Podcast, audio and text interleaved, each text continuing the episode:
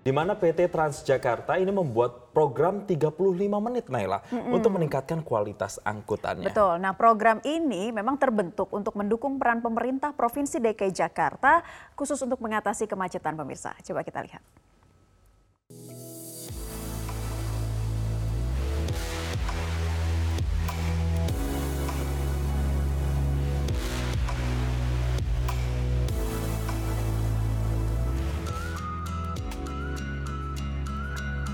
Untuk mengatasi tingkat kemacetan serta memudahkan mobilitas masyarakat, PT Transjakarta membuat tiga rute, di mana bus Transjakarta ditargetkan akan sampai dalam waktu tempuh kurang dari 35 menit dari titik awal hingga pemberhentian akhir.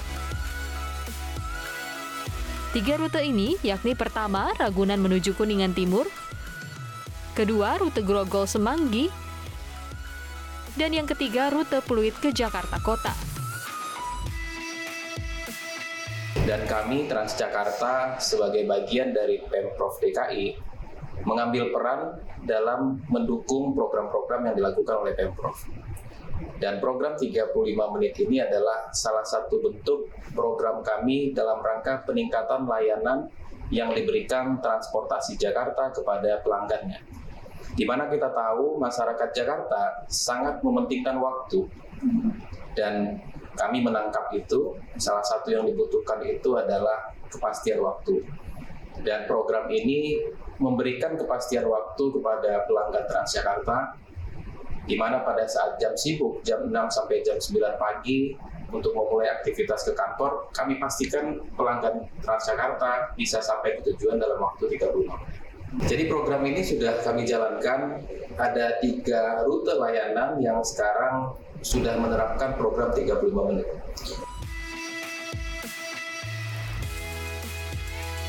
PT Transjakarta juga bekerja sama dengan Dinas Perhubungan dan Kepolisian untuk memastikan jalur bus Transjakarta steril dari kendaraan pribadi, baik roda 2 maupun roda 4. Di samping pelayanan, PT Transjakarta tetap mengedepankan aspek keselamatan, yakni batasan kecepatan maksimalnya 50 km per jam sehingga diharapkan masyarakat yang tadinya menggunakan angkutan pribadi dapat segera beralih menggunakan layanan Transjakarta. Saat ini PT Transjakarta akan segera menambah rute untuk program 35 menit menjadi 7 rute. Secepatnya akan segera diadakan uji coba untuk empat rute lainnya yang saat ini masih dalam perencanaan. Tim Liputan Metro TV.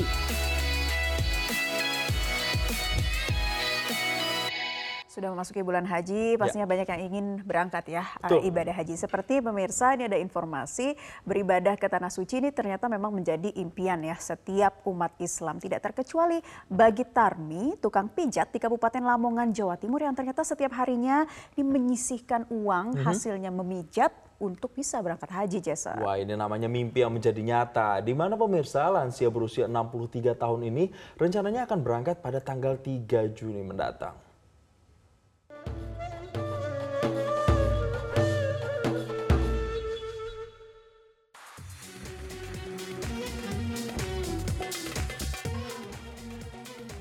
Seperti inilah keseharian Tarmi warga desa Banjarejo yang setiap hari memijat warga.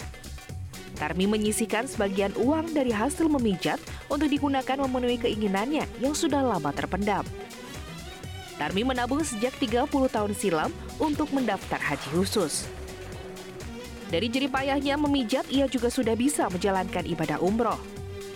Awalnya Tarmi berniat akan berangkat pada tahun 2019 silam, namun karena pandemi COVID-19, keinginan beribadahnya ke Tanah Suci harus ditunda dan baru terlaksana pada tahun ini. Tarmi akan berangkat pada tanggal 3 Juni mendatang. Nenek 63 tahun ini dikenal warga tidak pernah mematok harga jasa pijatnya. Bagi Tarmi, berapapun penghasilan yang ia dapat dari hasil jasa pijatnya merupakan rezeki yang patut ia syukuri. Dari Lamongan, Jawa Timur, Solihul Huda, Metro TV.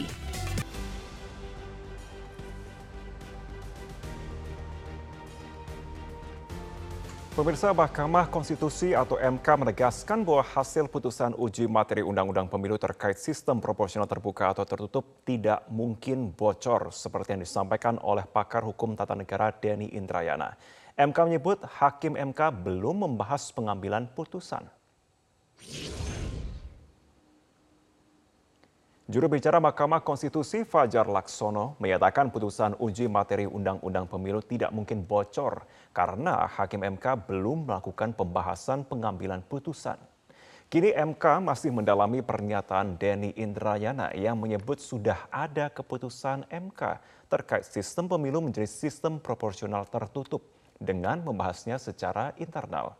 MK juga belum akan memanggil eh, Denny Indrayana untuk melakukan klarifikasi secara langsung. dan dinyatakan terbuka untuk umum. Tentu kami juga sudah membaca, sudah mencermati perkembangan hari ini.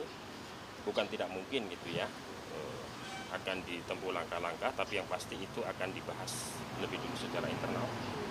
Kira-kira langkah-langkah apa yang harus dilakukan oleh mahkamah. PMK juga akan memeriksa Prof. Denny Indrayana? Ya kita belum tahu, kita masih bahas dulu secara secara internal langkah-langkah yang tepat itu seperti apa dengan perkembangan dengan berita yang seperti ini. Dugaan kebocoran hasil putusan Mahkamah Konstitusi terkait sistem proporsional pemilu seperti yang dilontarkan Denny Indrayana telah menimbulkan kegusaran banyak pihak. Namun KPU sebagai penyelenggara pemilu lebih memilih menunggu hasil final saat dibacakan ataupun saat putusan dibacakan oleh Mahkamah Konstitusi. Pakar Hukum Tata Negara yang juga mantan Wakil Menteri Hukum dan HAM, Dedi Indrayana mengaku memperoleh informasi penting terkait gugatan Undang-Undang Nomor 7 Tahun 2017 tentang pemilu sistem proporsional terbuka yang kasusnya sedang bersidang di Mahkamah Konstitusi atau MK. Denny menyebut MK akan mengabulkan sistem pemilu kembali menjadi proporsional tertutup alias coblos logo partai politik. Denny mengaku mendapat informasi penting ini bukan dari hakim MK, melainkan dari sumber yang dipercaya kredibilitasnya. Berdasarkan info yang diterimanya, ada enam hakim MK yang akan setuju untuk mengembalikan sistem pemilu ke proporsional tertutup. Sementara tiga hakim MK lainnya akan menyatakan dissenting opinion. Denny menambahkan, jika keputusan tersebut betul diambil oleh MK, maka dikhawatirkan akan mengganggu persiapan pemilu 2024 yang sudah berjalan di KPU. Ini persoalan serius. Pertama, MK harusnya tidak masuk ke dalam sistem pemilu karena itu harusnya adalah kewenangan dari Presiden, DPR, dan DPD. Ini yang disebut dengan open legal policy. MK menahan diri dan menyerahkan apa sistem pemilu kepada pembuat undang-undang.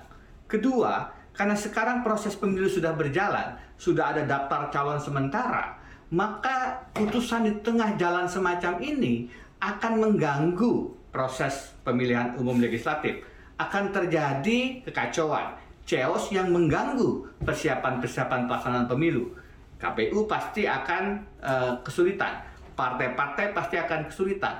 Sebaiknya tidak diputuskan kembali ke sistem proporsional tertutup ataupun kalau memang ada rencana semacam itu diserahkan kepada pembuat undang-undang, kepada presiden dan DPR di masa yang akan datang untuk melakukan uh, pertimbangan, mendengar aspirasi masyarakat, dan memilih sistem pemilu.